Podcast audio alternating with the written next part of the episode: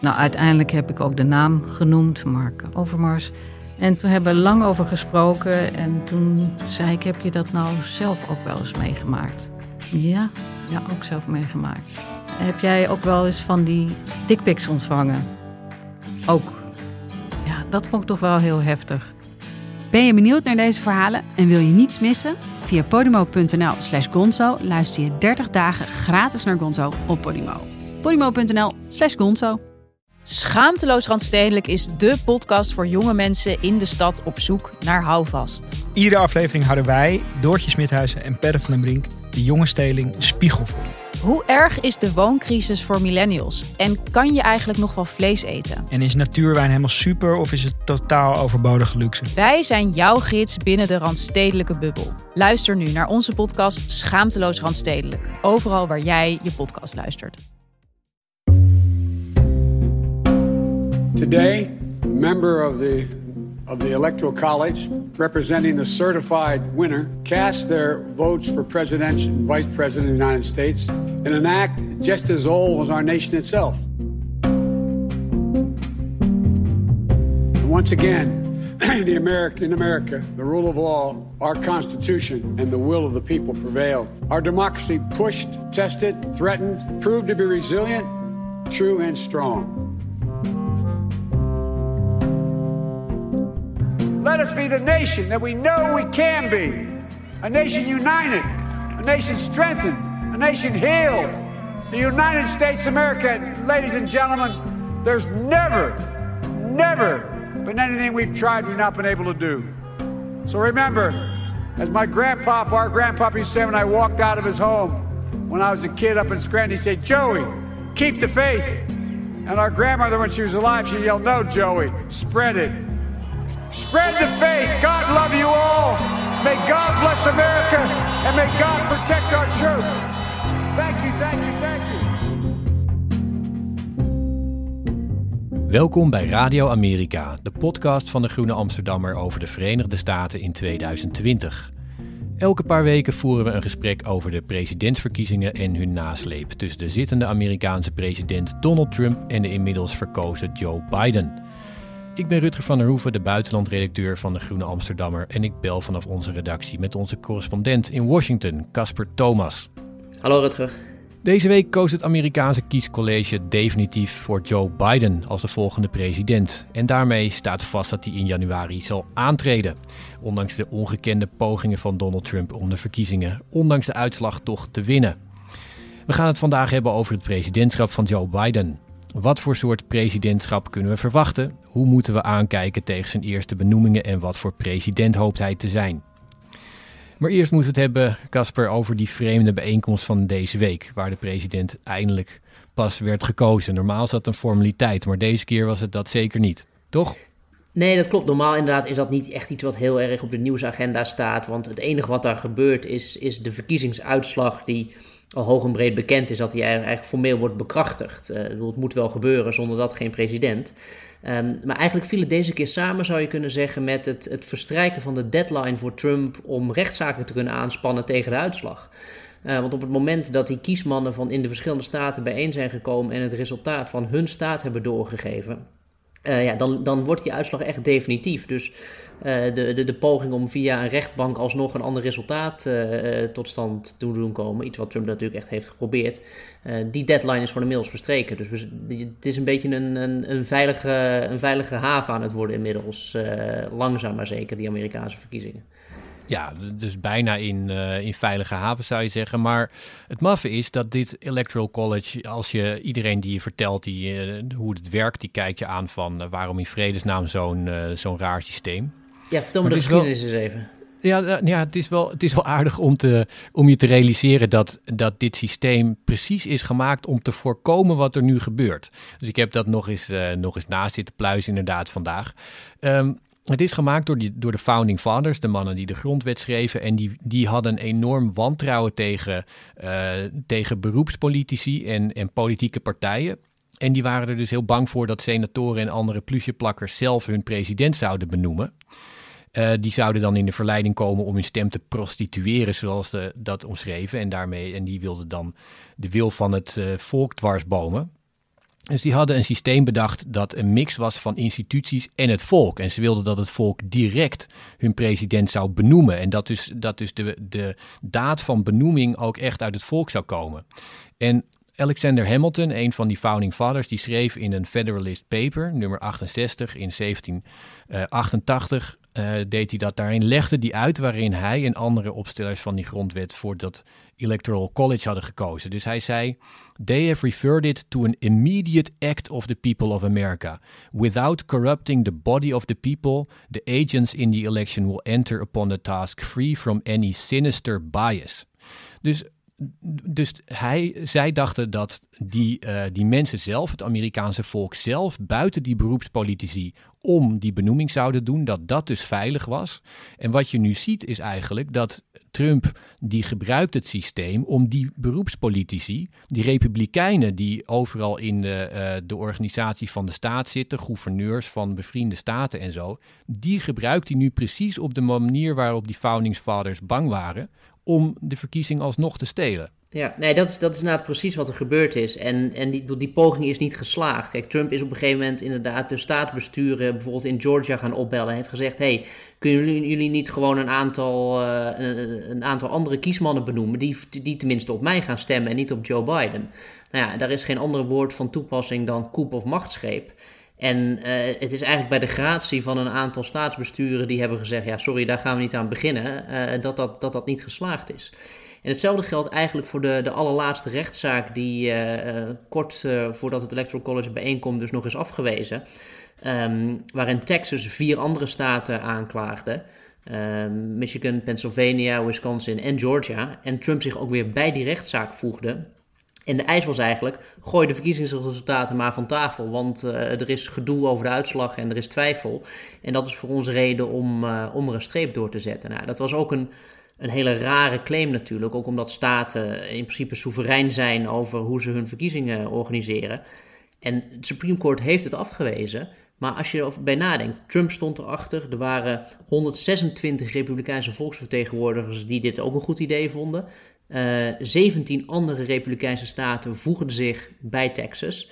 En stel nou dat dat was doorgegaan, dat, dat, en dat het had gekund. Uh, het, is, het, was niet ondenkbaar. Dat wil nogmaals, een ander woord dan koep of machtsgreep uh, is daar niet voor, niet voor te bedenken. Dus er is wel degelijk een poging gedaan tot, tot machtsgreep. Hij is alleen gelukkig niet geslaagd. En of je daar dan blij over moet zijn, of eigenlijk nog steeds heel erg verdrietig omdat het überhaupt gebeurt, dat is maar net hoe je er tegenaan kijkt natuurlijk.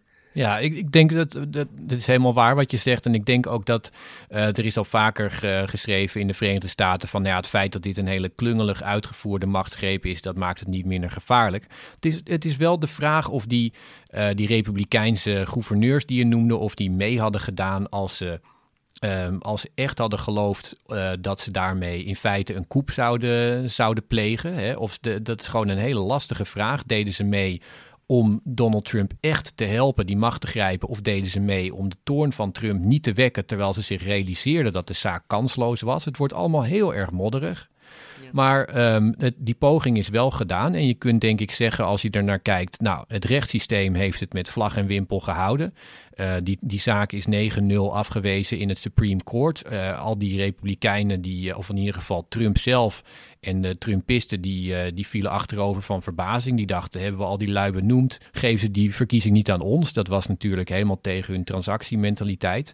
Maar die, ja, die hebben dat gehouden. Maar dat kiessysteem heeft het echt maar net gehouden met de hakken over de sloot. Met Trump die mensen opbelde en zo. Kleine correctie. Uh, het was niet helemaal, het, het was niet helemaal 9-0. Eh, er waren een aantal Supreme Court rechters die in die zaak van Texas uh, een, een, afwijkende mening hebben gegeven. En gezegd, luister eens, wat ons, de vraag was, wordt heeft, heeft Texas standing? mag, mag Texas überhaupt die, die zaak aanspannen? En er waren twee rechters die publiekelijk hebben gezegd, en we weten niet helemaal wat er achter de schermen nog meer is gezegd, dat zij afweken van het oordeel dat uh, Texas geen standing had. Dus het, ook, ook in dat Supreme Court is het kantje boord, net als, uh, net als bij het kiessysteem. Ja, ja echt uh, heel, heel zorgwekkend. En dat, dat kiessysteem, dat is uiteindelijk... Jij, jij vertelde al dat, dat Donald Trump in Pennsylvania... een republikein gewoon rechtstreeks heeft gevraagd... of hij een andere lijst kiesmannen zou, zou willen opstellen. In Michigan heeft hij een aantal mensen die republikeinen die in dat kiessysteem zaten, die gewoon eh, een stempel, letterlijk een, een rubberen stempel moesten zetten op de uitslag, die heeft hij persoonlijk opgebeld en persoonlijk uitgenodigd in het Witte Huis om hen te vragen uh, dat te veranderen. Het is uiteindelijk aan de integriteit van één iemand te danken die zei. Uh, die zich bedacht en die zei: Nou, ik wil dit eigenlijk gewoon niet. Mijn taak is om hier een, een, een stempel op te zetten en dat ga ik doen. Ja. En daarmee heeft die uitslag van Michigan het gehouden en is in feite het, ja, die poging mislukt. Maar dat is echt nog maar net. Dus uh, ja, het, het systeem is gewoon heel wankel, ook al heeft het het nu toch gehouden. Ja. Nou ja, goed. En, en het, ik denk dat dit, het feit dat dat, die, dat getrapte systeem met zo'n electoral college ertussen, daar is natuurlijk al veel lange discussie over in Amerika. En, en de founding fathers hadden wel bedacht, uh, het is aardig om, uh, om, het, om het niet door beroepspolitici te laten aanwijzen, die president. Maar er is nog een directer alternatief natuurlijk, en dat is gewoon de popular vote. Dus de, de, wie, wie het meeste stemmen krijgt, wint het presidentschap. En uh, nogmaals, ik, ik, zie het niet gauw gebeuren dat dat zal veranderen in Amerika. Maar de, de, de roep om de president gewoon echt via de volkswil te laten kiezen, dus gewoon door het meeste stemmen, die zal hierdoor wel alleen maar groter worden. Ja, nou ja, ik, uh, laten, we het, uh, laten we het allemaal hopen dat dat gewoon op een, een hele moderne manier wordt, zo wordt beslist. En degene met de meeste stemmen wint. Maar um, ja, dat in de Verenigde Staten zijn uh, uh, dit soort wetten veranderen, dat is, uh, dat is uh, vrijwel ondoenlijk. Dus ik, ik ben bang dat we nog een tijdje dit soort zaken mogen gaan duiden, Casper. Ja, dat sowieso. Maar goed, het, nogmaals, het Electoral College heeft Joe Biden aangewezen, dus we kunnen nu inderdaad toch wel enigszins met veilig, uh, veilig hart en veilig gemoed over uh, de, de, mogelijke invulling van zijn presidentschap gaan praten. Um, nou ja, laten we eerst, uh, eerst spreken over die invulling van zijn presidentschap. We kunnen het later nog hebben over de speelruimte die hij ervoor gaat, gaat krijgen. Maar het, het presidentschap zelf, ja, ik, ik was er zelf wel verbaasd over dat hij tijdens zijn campagne uh, opschoof naar een, uh, een, een, veel activistischer beeld wat hij schetste van zijn eigen presidentschap en dan ook naar mensen in zijn omgeving. Dus hij wilde eerst uh, decency wilde die herstellen en, en integriteit herstellen, maar begon toch steeds meer te, te praten over zichzelf als, een, als iemand die een echte agenda wilde neerzetten die de Verenigde Staten zou gaan, zou gaan ehm, hervormen. Zie jij dat terugkomen, Casper?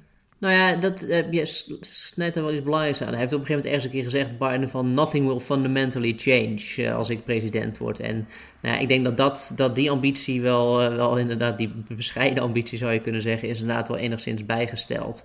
hij kiest ook mensen in zijn, in zijn team die, dat, dat, dat zijn zeker geen bestuurders of politici die graag op hun handen zitten. Of dat nou gaat op het gebied van buitenlandbeleid of het gebied van de economie. Uh, weet je, dat, het, wat ik zeg, het zijn geen achteroverzitters die, die, maar heel, die heel erg in laissez-faire uh, geloven, om het zo maar te zeggen. Even laat ik even een, een voorbeeld nemen. Zijn, uh, zijn buitenlandminister Anthony Blinken, echt een veteraan van het, Amerikaanse foreign policy establishment, werkt al heel lang met Biden samen. Um, en wat was een van de architecten van het, toch wel zeer interventionistische beleid van, van Amerika en het Midden-Oosten onder de Obama-jaren. Dus, en willen, zij een coalitie tegen China gaan beginnen, waar die Europa en India bij wil betrekken. Dus dat is, dat is niet iemand die uh, de blik naar binnen zal keren en, en zich vooral met Amerika zelf wil bezighouden en zeggen: de buitenwereld laten we even wat het is. Dus die, die Blinken, dat is een interessante benoeming. Je zei al dat hij heel erg past bij dat. Uh uh, toch wel interventionistische beleid van, uh, van Obama in het Midden-Oosten. Het is ook, denk ik, belangrijk voor hem dat hij heel erg als focus lijkt te hebben het herbouwen van dat ministerie van BZ.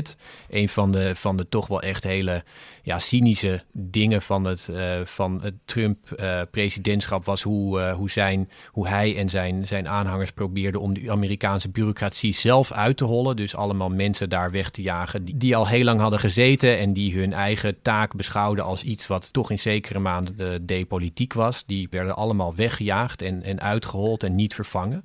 Dus Blinken wil het heel graag bij buitenlandse zaken doen. Dat is ook, wordt gespiegeld volgens mij door de vrouw die hij, Avril Haines, die hij voor um, inlichtingenzaken wil uh, benoemen.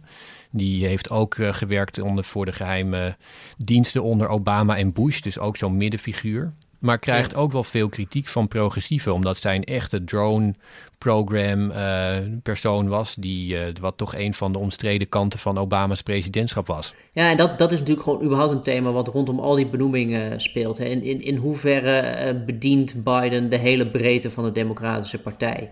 En ik moet zeggen, tot nu toe, uh, als, als, als ik even vanuit het perspectief van uh, zeg de Bernie-stemmer of uh, echt, echt, echt links-Amerika probeer te denken, dan zie ik toch nog vrij weinig in, in, in de Biden-administration die, waar ik blij van zou worden. Dus het, het, is heel erg teruggrijpen op, op de bekende ervaring en echt het Amerika voor wat het was voordat Trump aan de macht kwam. Um, oude getrouwen. Uh, ze hebben allemaal voor Obama of voor Clinton gewerkt. Uh, ik, ik, zie nog niet zo heel veel vernieuwing wat dat betreft. Die benoemingen die begonnen niet zo. Dus hij deed eerst een paar benoemingen um, waar de ja, progressieven toch uh, zich wel in, in konden vinden. Maar gaandeweg werd, de, de opstapeling van establishmentfiguren toch wel heel duidelijk. Een van de dingen waar... Um, uh, de progressieven die je dus nu, je noemde Bernie, die begint zich inderdaad te roeren. Die zegt er zijn te weinig progressieven in het kabinet. Um, Cortés zegt dat ook. En ja, die moeten er dan nu gaan komen als hij niet een, een morrende achterban uh, wil, progressieve achterban wil hebben. Een van de dingen die, um, die hen tegenstond is dat uh, Marcia Fudge, de, de leidster van de Black Caucus, in dus zeg maar de kiesgroep die zich, die zich Black Caucus noemt in het Huis van Afgevaardigden. Het zijn de Afro-Amerikaanse leden en die werden geleid door Marcia Fudge. Het, zij vroegen expliciet aan, aan, aan Biden uh, beloon haar nou niet met uh, housing of uh, transportation. Twee mhm. ministeries die echt als troostprijzen worden gezien. En ze is nu toch op housing. En Warren heeft die al duidelijk gemaakt. Die heeft hij nodig in de Senaat. Ja. Dus er gaan ge waarschijnlijk geen grote namen komen. En daarmee maakt hij hen toch echt ja, echt inderdaad wel um, uh, ja, boos omdat zij het gevoel hebben dat ze heel veel hebben bijgedragen aan zijn verkiezing. Ja, het enige die misschien een beetje een uitzondering op is, dat is gewoon iemand die eigenlijk geliefd is across the board, uh, zou je kunnen zeggen. Dat is uh, Janet Yellen, die minister van Financiën gaat worden. Ze wordt de eerste vrouwelijke minister van Financiën. Zij is de, de, de grote veteraan van de Federal Reserve, die, die door de crisisjaren heen heeft geleid. Uh, en dat is toch wel, ik denk dat van alle benoemingen dat degene is waar het meeste enthousiasme in, in zelfs aan, de republikeinse kant ongeveer zal ontstaan. En dat is toch, dat, het is niet een, een, een, een, een extreem links persoon of zo, of iemand die, met hele grote progressieve credentials, maar wel iemand die zaken als werkeloosheid. Ehm, een goede banenmarkt, loonstijging en al dat soort dingen echt als, als prioriteiten van het, van het beleid van de Federal Reserve ziet. En dat is wel iets anders dan uh, de, toch wat meer laissez-faire economen die meestal op die positie hebben gezeten. Dus ik denk dat daar nog wel ja, wat, zeg, wat enthousiasme voor opgebracht zal worden. Ja, en een andere, andere persoon die ook uh, die in het begin inderdaad toch echt wel enthousiasme bracht. En bij die progressieve vleugel het gevoel van oh, nou, dit, dit belooft wat. Dat is um, Xavier Becerra, een, uh, een Latino uit, uit Californië. Dat, uh, die is benoemd bij gezondheidszorg. En dat is een interessante man omdat hij namens Californië twaalf rechtszaken heeft gevoerd tegen de regering van Trump. En dat is een van de dingen die toch werd gezien als ja, de, de, zeg maar de belangrijkste vorm van resistance. Uh, dat, dat grote Amerikaanse staten, en kleintjes ook, Hawaii bijvoorbeeld, maar dat, dat Amerikaanse staten hun eigen regering aanklaagden. Uh, voor het uh, ja, niet houden van de federale belofte, zeg maar, of het, breken van, uh, van wetten. En hij heeft dus twaalf rechtszaken zelf gevoerd, namens Californië onder andere om Obamacare te behouden. En hij is heel erg gericht op, op meer toegang van meer Amerikanen tot gezondheidszorg. Dus hij is wel duidelijk een, een, een progressiever dan je zou verwachten bij Biden. Maar het zijn er niet, niet zoveel de bottom line hier is wel dat als je het bij elkaar harkt, dat een, het, het, zien van een actieve rol voor de overheid en een, een actievere rol van de overheid, zeker dan tot nu toe, eh, als het gaat inderdaad om gezondheidszorg, om economie, uh, straks ook om klimaatverandering en dus ook wat buitenlandbeleid, dat begint wel een beetje het, het thema te worden van de Biden-regering die zich hier aftekent. En Um, dus ja, het, wat dat betreft denk ik, ik denk dat Biden in die zin uh, progressiever zal eindigen dan hij uh, van tevoren misschien krediet voor gekregen heeft. En je ziet wel dat, dat ze ook heel erg nadenken, toch wel over het. Biden heeft altijd gezegd: ik wil een regering die eruit ziet zoals Amerika. En dat klinkt dan een beetje oppervlakkig, alsof het alleen maar gaat om het plaatje. Maar dat is natuurlijk wel iets heel fundamenteels. Uh, vertegenwoordiging gaat via de stembus, maar ook, ook, ook door wie je bestuurd wordt. En Biden denkt heel erg na over het, het, het, verdelen van posten tussen mannen en vrouwen, tussen mensen met verschillende etnische achtergronden. Dus daar, daar, ook, ook in die zin ontstaat er toch uiteindelijk wel een vrij gebalanceerd kabinet volgens mij. Hoewel, hoewel een van die benoemingen die echt duidelijk bedoeld was om zijn plaatje rond te krijgen, die... Ehm, daarvan dacht ik wel echt van, oh, dit is wel een signaal dat dit, uh, dat dit heel erg business as usual wordt. Dat was um, Austin, de generaal die werd benoemd op Defensie. Dat is een, uh, een zwarte man. En um, hij, Biden had dus uh, kritiek gekregen uit uh, de Black Caucus uh, dat hij te weinig mensen van te weinig Afro-Amerikanen had benoemd. Hij had wel twee Latino's al benoemd, maar toen heeft hij, hij had een voorkeur voor Michel Flournoy, maar hij heeft toen Austin benoemd. Um, en om daar een, een, zwarte man te benoemen, de eerste op defensie, dus dat is een belangrijke mijlpaal. Maar um, hij ja, dat is duidelijk een heel capabele man. Hij is, maar hij is ook iemand die nog niet lang genoeg met pensioen is. En hij is ook iemand die zijn generaalstatus inkestte door in het bestuur van wapenfabrikanten te gaan na zijn, ja. uh, na zijn uh, staat van dienst. Ja, dat vind ik toch zelf niet een, een mooie aanbeveling. En hij is volgens mij ook een signaal aan de strijdkrachten dat er niet uh, iets fundamenteels gaat verwachten. Dus dat zie ik toch uiteindelijk toch als een, een establishment benoeming die tegelijkertijd uh, zijn ambitie rondmaakt van kijk, ik heb een heel divers uh, heel, heel divers team. Nee, dat zou kunnen goed. En, en, en, en daar speelt natuurlijk de discussie omheen inderdaad, omdat die man nog zo kort met, met pensioen is. En uh, er is al een soort norm dat uh, er moet civilian oversight zijn in het Pentagon. Dus, dus, dus burgers aan de macht en geen generaals, want anders dan zet je ook weer een stap richting de Bananenrepubliek. En die norm die legt Biden nu in dit geval toch even naast zich neer. En dan kan hij daar zijn eigen goede redenen voor hebben. Maar zoals we in het vorige presidentschap hebben gezien, een norm die eenmaal gebroken is, die krijg je niet snel meer terug. Dus uh, de eventuele opvolger van Biden op enig moment in de geschiedenis uh, zal ook makkelijker nu uh, actieve generaals als bestuurders van het Pentagon gaan benoemen. En dat is natuurlijk ook wel weer een ja, dat, daarmee zet de Amerika wel weer een, een, een, stap in een andere richting uit. Dus daar valt inderdaad, zijn nog wel wat haken en ogen bij, bij aan te merken. Ja, nou, je noemde al net trouwens John Kerry. Dat is toch uh, het feit dat, oh, dat Kerry John Kerry genoemd, eh, benoemd is bij... Ja, de, eh, de, de, beetje de Frans Timmermans van, uh, van, van de Verenigde Staten. De, de klimaatgezant die, die het... Ja. Die, maar ja. toch een signaal dat hij dat echt serieus wil nemen. We kunnen misschien naar zijn plannen toe.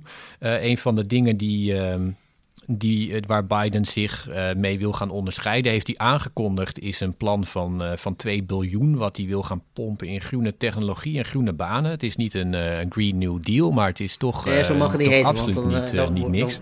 Dan wordt de tegenstander boos.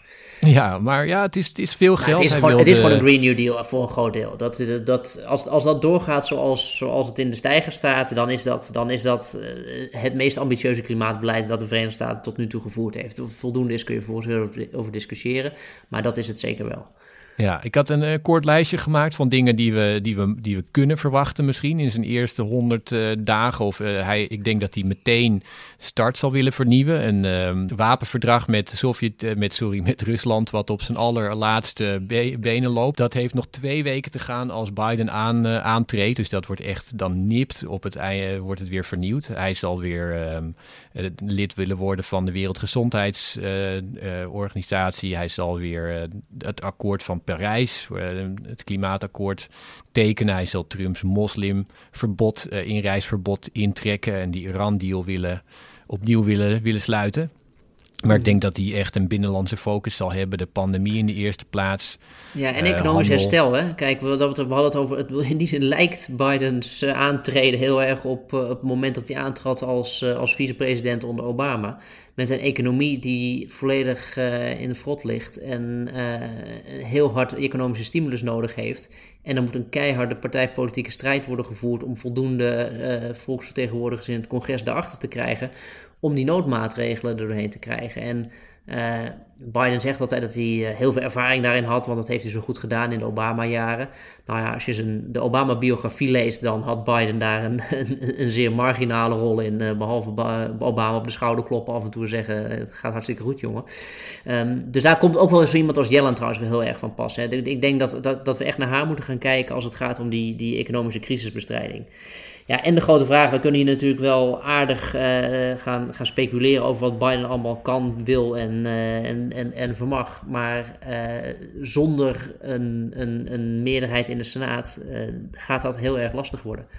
Ja, dit is het grote, de grote, inderdaad, de grote maar die we, waar we de hele tijd tegenaan kijken. Er wordt begin januari gaat Georgia stemmen en die gaat twee senatoren aanwijzen. En nou ja, die moeten allebei naar de Democraten, anders is er een um, Republikeinse meerderheid. En dan is Biden toch eigenlijk wel een beetje vleugellam, toch? Zie je dat ook dan, zo? Nou ja, precies, dat is het precies. En dan ook opnieuw weer de parallel met, uh, met, met de Obama-jaren. Dat, dat was Obama ook uh, voor het allergrootste deel van zijn presidentschap. En dat heeft er uiteindelijk in geresulteerd dat uh, er in die Obama-jaren, ook onder Biden, heel weinig is gebeurd. En Biden, heeft, en Biden is, je moet niet vergeten, die werd ook, mocht ook de kandidaat worden voor in de ogen van veel mensen, of veel mensen stemden op hem, met het idee van, ja, hij is nou echt degene die uh, ook de Republikeinen erbij kan betrekken en heel goed is in samenwerken met de andere partij.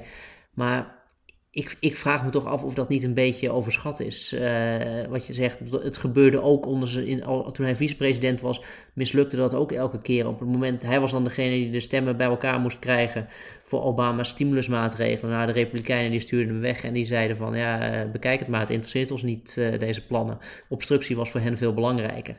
En ik vrees dat dat scenario zich nog wel eens zou kunnen gaan herhalen de komende jaren. Uh, mits inderdaad die twee zetels in Georgia. Nou ja, Biden won de staat met 12.000 stemmen. Uh, dus ze moeten dezelfde stunt uithalen om de, om de zetels voor de Senaat uh, te halen. Het kan, maar dat is iets wat we volgens mij bij een volgende ronde weer, volgende podcast moeten gaan bespreken. Ja, dat moeten we dan maar doen. Ik wou nog even toevoegen, als dat 50-50 is, dan, dan is er één uh, democraat, die is uh, Joe Manchin heet die, uit West Virginia. Nou, West Virginia is een staat, dat, dat is een soort van Zuid-Limburg in de, in de tijd dat de mijnen nog open waren. Ik bedoel het niet, niet lullig, maar ja, die is gewoon heel erg uh... gericht op die, op, die, op die, ja, dan zou je kunnen zeggen, de brandstofeconomie. Ja, ik zie die Manchin nooit stemmen voor, een, ehm, voor ingrijpende maatregelen tegen kolen of zo. Dus uh, dan uh, kan meteen dat hele klimaatambitie, kan denk ik ook in dat 50-50 scenario is dat heel precair. Ja. Maar we gaan het, zoals je zei, we gaan het zien in, in januari. Ja. Dan moeten we dat maar eens tegen het licht gaan, gaan houden, Casper. Ja, nou dan sluit 2020 het verkiezingsjaar wat, wat Radio Amerika betreft dan hiermee af. En dan zien we elkaar weer in het nieuwe jaar. Ja, tot volgend jaar. Oké. Okay. U luisterde naar Radio Amerika, een podcast van de Groene Amsterdammer. Als u deze aflevering interessant of goed vond, dan kunt u ook de vorige afleveringen terugluisteren. Die staan allemaal nog online. Later in de week is de reguliere podcast van de Groene Amsterdammer er weer en volgend jaar komt Radio Amerika weer in de lucht. Als u de podcast goed vond, deel hem alsjeblieft en like hem op het platform waarop u deze podcast luisterde.